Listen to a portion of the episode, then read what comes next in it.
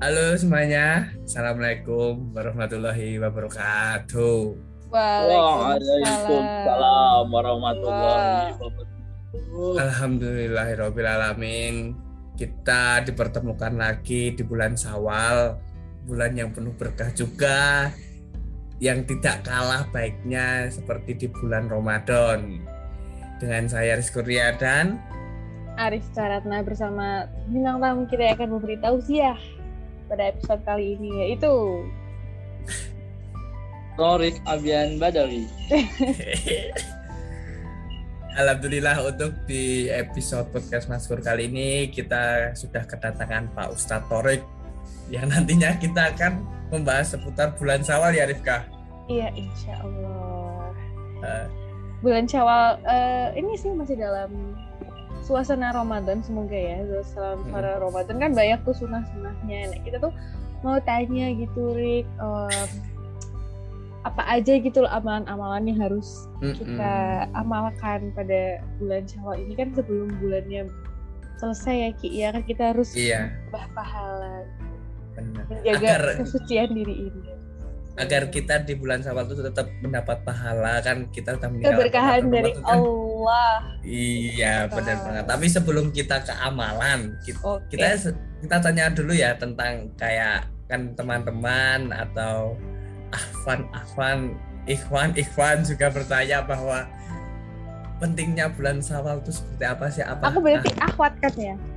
Ahwat ya. Okay. Kalau cewek apa sih Ahwat ya? Ahwat Ahwat. Iya Ahwat. Ahwat nah kan akhwat dan ikhwan banyak bertanya tentang pentingnya bulan sawal mungkin dari Mas Torek sendiri atau Ustadz Torek ini bisa menjelaskan pentingnya bulan Sawal tuh seperti Kalau enggak, apa? Kayak keistimewaan bulan Sawal dibanding nah, bulan itu. Islam yang lain tuh apa sih, Pak Ustadz? Tanya dong. Ya, sebelum menjawab pertanyaan teman-teman semua nih ya, biar lebih berkah lagi kita buka dengan membaca Bismillah bersama-sama. Bismillahirrahmanirrahim. Ya, jangan lupa juga kita untuk ucapkan uh, rasa syukur kita kepada Allah Subhanahu wa taala yang telah memberi kita umur panjang hingga hari ini kita masih bisa melakukan aktivitas-aktivitas yang lain dan aktivitas-aktivitas uh, perintah-perintah dari Allah Subhanahu wa taala. Amin. Lupa juga kita ucapkan dan tuturkan kepada Baginda Nabi Agung Muhammad Sallallahu Alaihi Wasallam yang telah membawa kita dari yang telah membawa dari zaman kegelapan hingga zaman yang terang benderang ini. Insya Allah. Uh, untuk menjawab pertanyaan teman-teman yang tadi nih, uh, apa aja uh, keistimewaan yang ada di bulan Syawal? Uh, kita saya akan membahas di, di sini uh, bulan Syawal ini merupakan suatu bulan yang sangat mulia ya. Salah satu bulan yang sangat mulia setelah bulan Ramadan. Yang di mana bulan Ramadan itu kita 30 apa? Satu bulan full uh, melaksanakan yang namanya ibadah puasa. Uh, kemudian untuk keistimewaan itu tersendiri yang berada di bulan Syawal, uh, umat Muslim eh, dianjurkan melaksanakan yang namanya eh, ibadah puasa lagi enam hari berturut-turut. Teman-teman tahu nggak eh, sebelumnya kenapa diperintahkan enam hari saja? Nggak tahu Pak. Harusnya kan seminggu biar pas ya sampai seminggu gitu ya kan Rif? Iya kenapa Pak? Kok cuma enam hari? Uh, itu kan juga ada kembali ke dalilnya ya. Dan itu juga terdapat di sabda Rasulullah Shallallahu Alaihi Wasallam dari Abu Ayyub Al Ansori Rasulullah Shallallahu Alaihi Wasallam bersabda Man soma Ramadan thumma asbahu sita minasyawal kana kasiyamid dahir yang artinya uh, terdapat barang siapa yang berpuasa Ramadan kemudian berpuasa enam hari di bulan Syawal maka dia berpuasa seperti setahun penuh itu hadis riwayat Muslim nomor 1164 yang di mana hadis ini salah satu hadis yang sohih ya di mana kita bisa melihat dan banyak juga umat muslim yang melaksanakan ibadah puasa selama enam hari di bulan Syawal ini. Begitu teman-teman. Iya, benar banget. Untuk ikhwan dan akhwat tadi sudah mendengarkan kan pentingnya seberapa pentingnya bulan Syawal setelah bulan Ramadan ini, ya kan?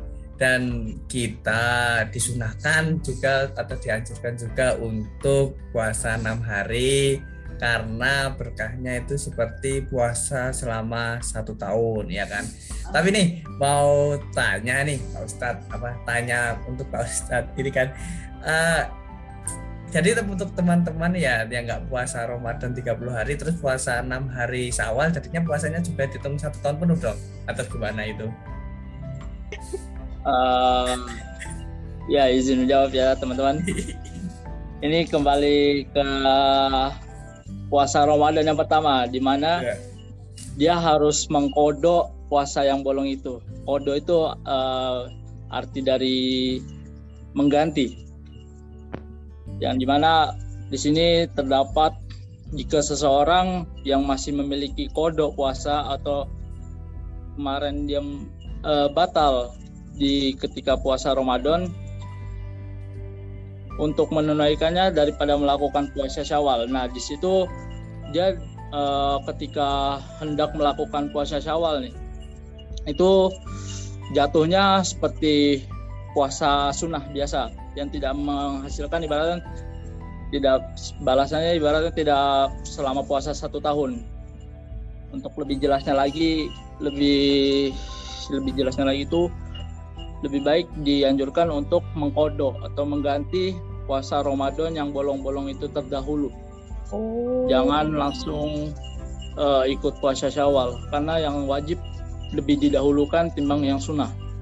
Hmm, berarti nggak bisa double gitu ya niatnya? Uh, tidak bisa dalam satu ibadah niat itu cuma cukup satu nggak bisa digabungkan. Oh iya iya, iya udah. berarti ya, harus nyelesain utangnya dulu baru nanti ya. puasanya dihitung sebagai puasa syawal begitu ya Pak Ustadz ya. Oke, nah di sini kan juga terdapat dalil ya, di mana Nabi Shallallahu Alaihi Wasallam bersabda, barang siapa yang berpuasa Ramadan, jadi apabila puasa Ramadannya belum sempurna, karena masih ada tanggungan puasa, maka tanggungan tersebut harus ditunaikan. Nah, yang dimaksudkan tanggungan puasa ini ketika di Ramadan yang misalnya dia bolong-bolong atau enggak dia kena halangan atau yang namanya kalau wanita kan ada datang bulan dia. Nah, dia oh. lebih baik menjalankan atau mengganti uh, puasa Ramadan yang bolong itu. Hmm, iya. Benar banget. Yeah. Untuk Ikhwan dan Ahwat yang semisal bulan Ramadan itu belum sempurna untuk berpuasa jadi mungkin kalian bisa untuk menggantinya dulu dan bisa untuk mengerjakan puasa sawal karena puasa sawal juga uh, uh, nggak harus ini ya hari hari yang ini ya hari yang berturut-turut ya karena bulan sawal juga 30 hari iya kan Pak Ustadz? Iya benar. Oke. Okay. Pak Ustadz mau tanya lagi dong. Ya silakan. Kan uh, tadi kita bahasnya puasa aja nih di bulan Syawal. Ada nggak sih amalan lain gitu selain puasa yang bisa dijalankan pas bulan Syawal gitu? Terima kasih. Oh, ya, izin menjawab lagi. Uh, tentu tidak saja uh, kita melaksanakan yang namanya ibadah puasa Syawal aja ya di, ketika di bulan Syawal ini. Jadi kita kan biasa ada yang namanya sholat rawatib, so, so ada juga sholat sunnah qobliyah, ba'diyah, sholat sunnah qobil apa itu sebelum sholat fardu dijalankan. Sedangkan sholat ba'diyah yaitu sholat sunnah yang dia, dia didirikan setelah sholat fardu atau setelah sholat wajib. Misalnya dua empat rokat sebelum zuhur, kemudian eh, empat rokat lagi setelah zuhur gitu. Itu salah satu amalan sunnah kemudian ya tetap juga kita melaksanakan ibaratkan sempatkan untuk waktu mengaji. Hmm. Berarti yeah. Ya. uh, amalan kan kadang kan amalan mulia kan berarti uh, kayak puasa Syawal nih yang hanya bisa dikerjakan ketika Syawal aja. Terus kayak ada puasa Yaumul Bid dan kayak sholat gerhana jadi di, ada di occasion tertentu eh, occasion di waktu-waktu tertentu gitu. Berarti kalau di bulan Syawal itu uh, amalan tertentu yang bisa dikerjakan itu hanya puasa saja gitu Pak Ustadz? Apa ada lain lagi? Uh, untuk yang di ibadah di bulan puasa Syawal ya? di bulan Syawal ya? Iya iya. Uh, untuk di bulan Syawal ya kita juga seperti biasanya lah di setiap bulan tuh ya ada juga tadi yang saudari sebutin itu ya yang namanya puasa yaumul yaumil ah yaumul bid ya itu hari putih itu kan biasa juga jatuh pada tanggal di pertengahan dia. Iya betul. biasa 13 14 15 nah hmm. itu juga bisa ditunaikan setelah ibaratkan puasa syawal enam hari itu sudah terjalani. Jika ingin mengejar uh, pahala yang mencakup dari puasa syawal alangkah baiknya selesaikan dulu enam hari kemudian bisa dilanjutkan yang dengan nama puasa ayamul bid. Oh hmm. begitu, baik baik. Pak Ustadz mau nanya lagi, tapi ini uh, agak out of context dari bulan Syawal Pak Ustadz. Kan gini ya, uh, teman-teman aku tuh, ini aku cewek, kan kita ada uh, halangan khusus gitu datang bulan kadang tujuh hari, 9 hari, sampai maksimal 15 atau 14 hari begitu. Nah kan kan ada teman-teman tuh, ah aku lupa kemarin tahun kemarin belum ngodok puasa gitu, terus jadi kayak numpuk-numpuk gitu loh. Nah, aku tuh pernah denger, nggak tahu nih pendapat dari mana, tapi cuman kayak denger temen debat gitu. Jadi ada yang satu bilang kalau seumpama nih aku tahun 2021 kemarin tuh um, aku tang 5 gitu tapi belum aku lunasin. Terus di puasa kali ini aku numpuk lagi utangnya tujuh gitu. terus utang yang lima itu tuh katanya ada yang bilang kalau itu udah hangus gitu karena kamu udah kelewatan satu ramadan. Terus ada yang bilang itu tetap tetap dihitung hutang tapi kamu harus bayar fidyah. Nggak bisa diganti pakai puasa.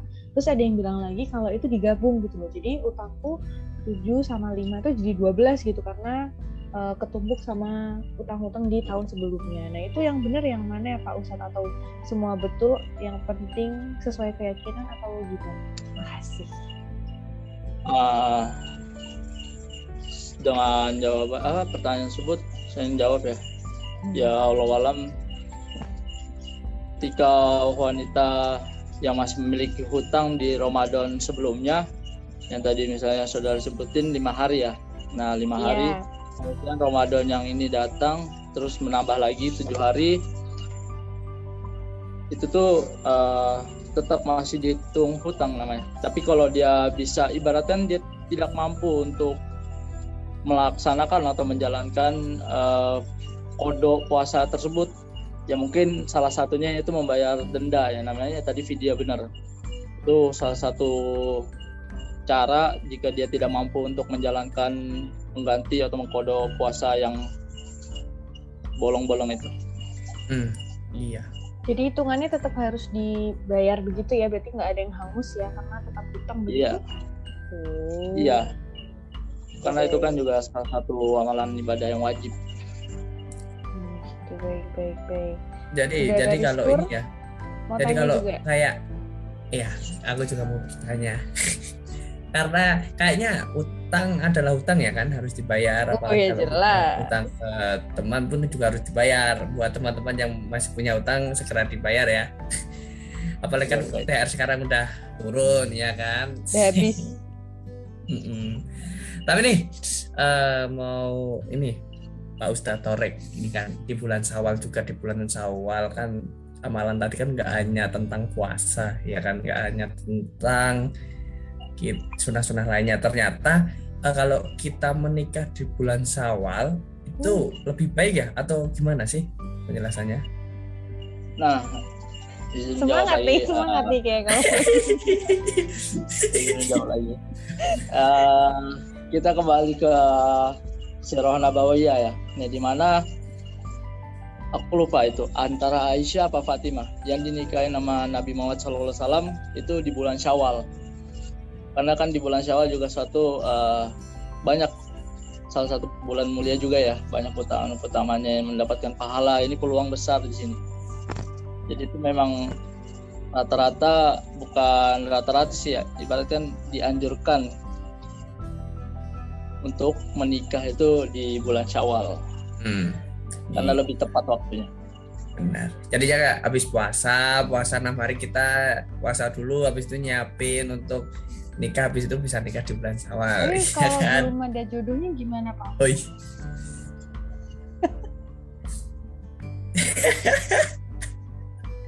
Enggak, bisa jawab. Oh, ya, berarti harus menunggu dia. Oke, makasih. Iya. Jadi kan dia bilang baik gitu untuk pernikahannya belum ada jodohnya ya udah. Kalau belum ada jodohnya. nih. Bisa bisa menikah di tahun depan. Insya Allah. Ya. lagi ikhtiar ini. Oh iya.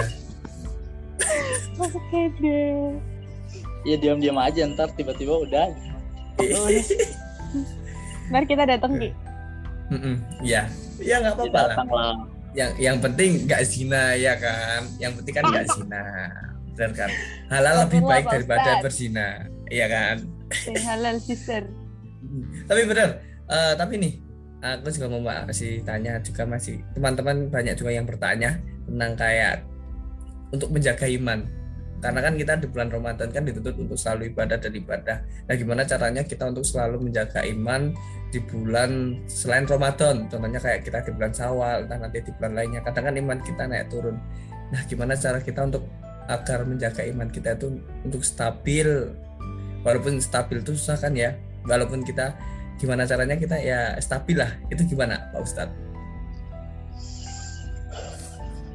Berat pertanyaannya. ya ya jawab semampu aku aja ya eh, eh. Uh, untuk menjaga kestabilan iman yang kita telah kerjakan selama satu bulan Ramadan itu penuh agar bisa ibaratnya bisa istiqomah hingga kita dipertemukan dengan Ramadan selanjutnya itu kembali ke diri kita masing-masing bagaimana cara kita mengontrol yang namanya hawa nafsu tersebut. Pokoknya uh, hal-hal apa yang ibaratkan ada waktu kosong yang tidak ada kegiatan ibaratkan carilah kegiatan yang menyibukkan diri sendiri.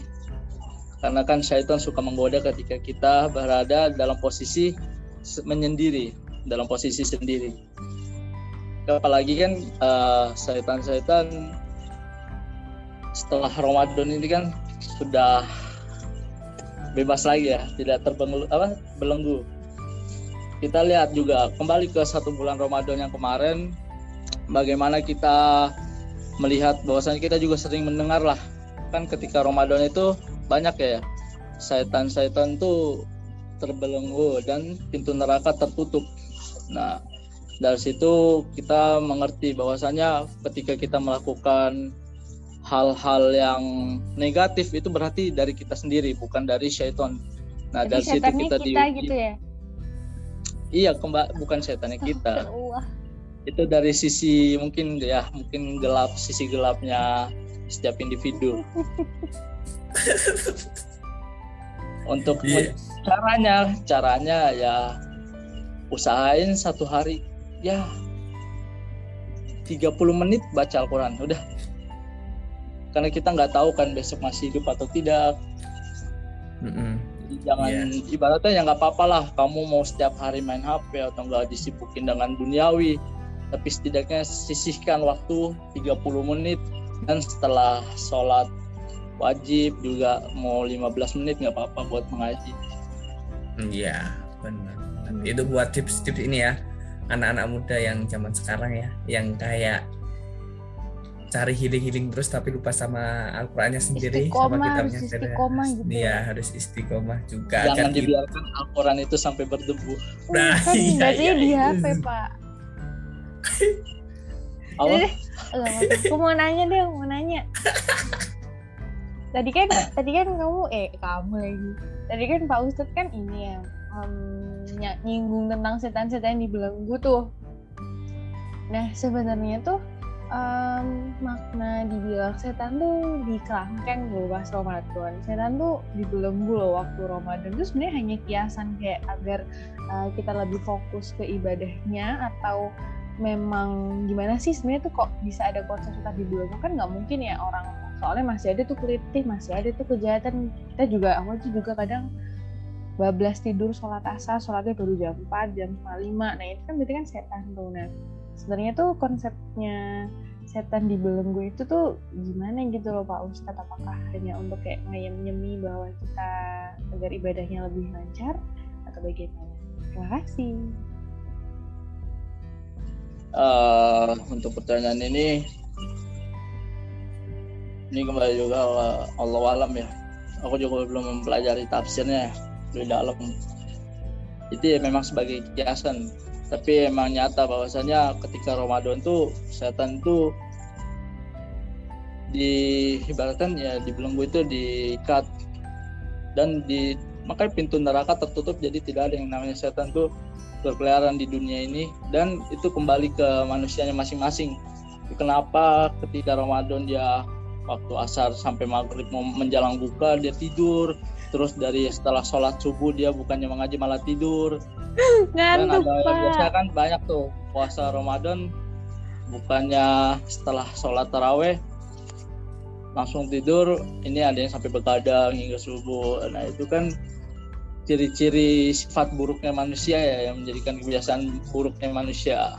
Nah di situ kan bisa menilai bahwasanya setiap orang itu kan juga memiliki sifat buruknya ya kan manusia juga tidak terlepas dari namanya salah. Oh, begitu. Berarti intinya itu memang kembali ke diri masing-masing ya Pak begitu ya? Ya benar. Hmm. Oke mau nanya lagi nggak? Dari penjelasan tadi kayaknya ini ya kita untuk selalu menjaga keimanan kita ya Rif, ya kan? Gimana sih caranya biar biar kita nggak ada penurunan gitu loh? Kayak apa ya, itu ya? tadi. Kan ngomong ini waktu Ramadan tuh kayak uh, ngajinya kan kadang kalau orang ngaji cuma habis maghrib gitu. Kadang Ramadan tuh habis subuh gitu ngaji sama habis maghrib. Terus setelah Ramadan tuh bubar semua. Ngajinya tinggal maghrib doang. Tuh biar kita nggak uh, mengalami penurunan keimanan terhadap Tuhan tuh gimana Pak Ustaz? Nah, ya pokoknya in, pokok inti permasalahan dalam pembahasan pertanyaan kali ini itu kembali ke diri sendiri. Oh, gitu Kita tidak ya. bisa menyalahkan orang lain, tidak bisa menyalahkan syaitan apa-apa karena kan syaitan selalu menggoda. Tidak bakal dia sehari itu nggak menggoda itu tidak mungkin. Kecuali kita melakukan ketika ibadah, tapi itu juga syaitan masih aja menggoda ketika kita melakukan ibadah uh, ya intinya permasalahan itu kembali ke diri sendiri diri. bagaimana caranya kita memperbaiki itu supaya menjadi apa istiqomah atau menjadi suatu kebiasaan contohnya kayak kita dari kecil kita dikeraskan dalam ketika umur 7 tahun apa 10 tahun ya tuh uh, yeah, kita yeah. udah dikeraskan oleh orang tua kita untuk melakukan yang namanya ibadah sholat hingga itu dikerasin terus sampai kita masa balik kita akhirnya kita menjadi kebiasaan. Jadi itu ketika kita apa ibaratnya meninggalkan satu waktu sholat nih kita merasa risih.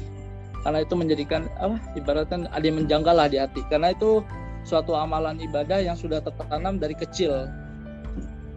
Nah itu pokoknya inti permasalahan dari pertanyaan itu kembali ke diri sendiri. Begitu ya.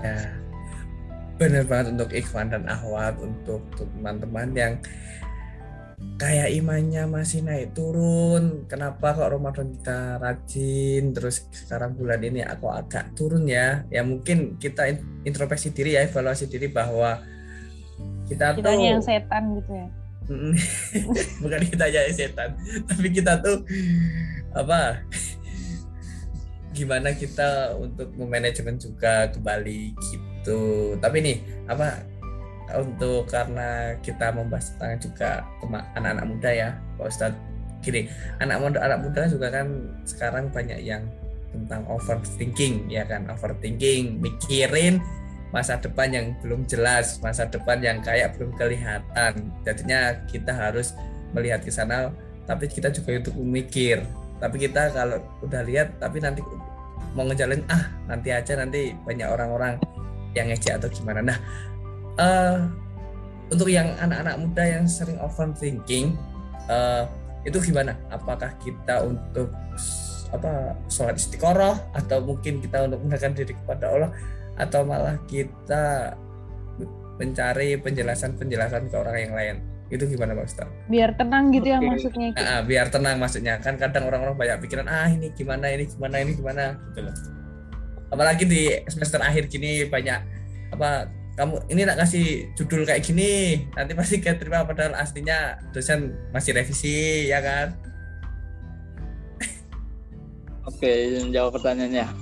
Kita masuk ke poin pertama untuk menjawab pertanyaan ini. Uh, untuk menilai dari segi agama. Kenapa kita bisa sampai overthinking ini? Karena kita terlalu memikirkan yang namanya dunia hingga kita lupa namanya akhirat. Padahal yang dunia itu isinya fana semua. Nggak ada yang abadi. Buat apa yang kita memikirkan suatu hal yang tidak abadi?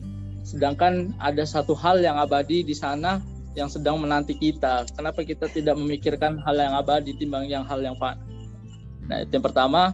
Kemudian yang kedua uh, kita sudah dijelaskan juga atau sering mendengar bahwasanya salah satu sunnah amalan sunnah nih ada itu yang namanya sholat duha. Nah, salah satu sholat duha itu kan ada uh, di mana pintu rezeki dibuka lebar.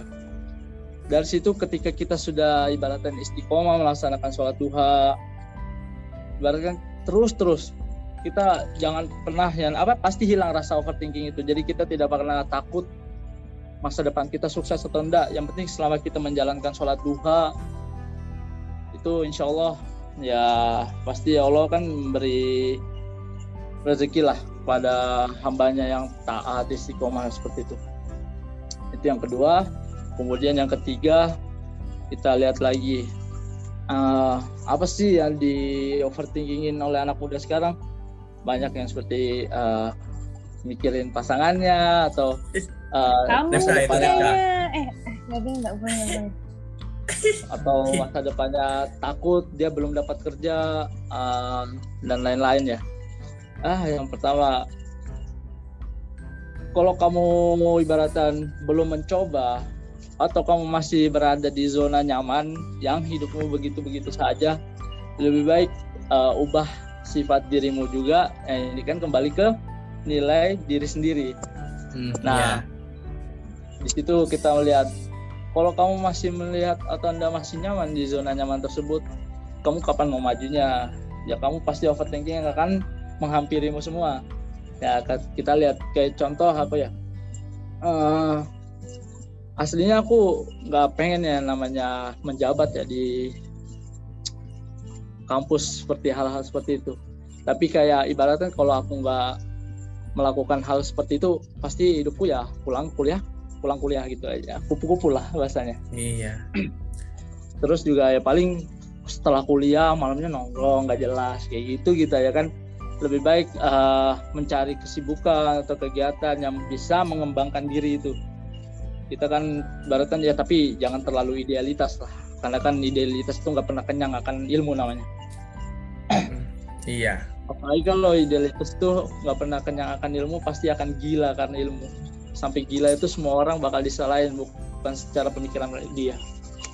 Yang ke berapa tadi itu? Keempat atau ketiga?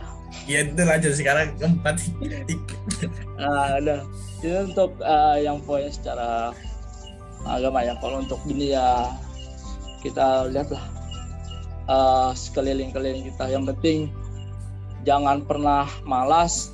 Yang penting selalu optimis dan selalulah mengerjakan hal yang positif kemudian untuk bisa ibaratkan menyiapkan bekal untuk ke depannya setelah ibaratkan kita kan anak kampus yang di semester akhir nih.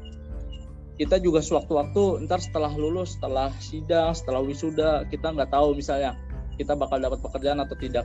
Nah mending dari sekarang untuk menyiapkan yang namanya menabung dan lain-lain. Jadi kita punya bekal lah sendiri. Siapa tahu yang namanya kita ini yang nggak tahu ke depannya yang pengen melamar kerja yang awalnya jadi karyawan ketika kita punya tabungan sendiri kita buka usaha sendiri kita menjadi bos gitu. Insya Allah. Ini cita-citanya Torik deh. Kayaknya saya gitu, ya kan. Ada lagi nggak? Ada lagi nggak? Oh, belum selesai. Lanjut lanjut. Uh, sepertinya kayaknya untuk bulan Syawal ini karena kita udah apa ngomongin banyak ya kan di bulan Syawal serba serbi bulan Syawal juga tentang amalan-amalannya juga. Apalagi sampai kita ngomongin tentang beriman puasa kodo itu gimana sampai menikah akhirnya menikah menikah. juga. Siapa tahu setelah yang mendengar ini bisa mendapat jodoh ya kan? Terus tiba-tiba ada ya? yang eh tiba-tiba ada yang ngundang kita ya kan Rifka? Who knows? Enggak tapi sebelum kita untuk closing nih ya untuk tentang episode tentang bulan Syawal ini. Mungkin dari ustadznya dulu ya Rifka. Kita mau tanya mungkin ada nggak sih untuk kuotas untuk semangat buat anak muda yang masih kayak apa di titik terendah untuk naik apalagi di bulan Syawal ya, coba dong kasih kuotas ya kan? Pesan-pesan uh, untuk kuotas terakhir ya kata terakhir ya. Buat penutupan closingan juga uh, jangan pernah untuk uh, tidak melangkah maju. Jangan pernah takut untuk melangkah maju. Ber, oh, kembanginlah potensi yang ada di dirimu itu sendiri hingga kembanginlah jadi suatu uh, kelebihan yang ada di dirimu itu. Ya itu aja. Iya benar. Benar tadi dari kuotas dari Ustaz Torik ya kan? Semoga nanti teman-teman yang mendengarkan ini bisa untuk bisa mengembangkan diri lagi. Dan ingat bahwa di dunia itu cuma mana ya nanti yang akan ada di akhirat. Karena kita di dunia itu hanya sebuah titipan dan untuk mengerjakan sesuatu yang diinginkan oleh Tuhan. Mungkin dari Rifan ada tambahan nggak Rifan? Dari uh, mungkin mengutip dari pesan-pesannya dari uh, Mas Torik eh Mas Torik Ustadz Torik ini kayak ditekankan untuk selalu mengerti value dirimu sendiri dan manfaatkan potensi apa yang ada di kamu dan ya lihat aja uh, kesempatan untuk membuat dirimu lebih bermanfaat dan just do it tuh nah, aja sih kan yang penting di episode kali ini tentang bulan Sawal yaitu tentang introspeksi diri sendiri. Jadi gimana diri sendiri kita, entah diri sendiri gimana, itu tergantung pada diri sendiri. Iya benar. Iya kan. Oke, terima kasih Pak Ustadz Torek sudah mau datang di podcast Maskur, sudah mau memberi siraman rohani bagi teman-teman yang mau mendengarkan. Semoga setelah ini dengan bagus ya Pak. Ya. Semoga setelah ini apa banyak yang mengerti bahwa oh ternyata kita harus introspeksi diri dan untuk selalu menjalankan ibadah puasa sawal ya kan. Tapi sebelum kita tutup uh, jangan lupa untuk follow Instagram dan Twitter kita @maskur.podcast dan Twitter kita @maskur double S dan double R. Dan jangan lupa follow Twitter kita dan isi chat kita apa Rifka? Di @maskur underscore podcst double S dan juga double R.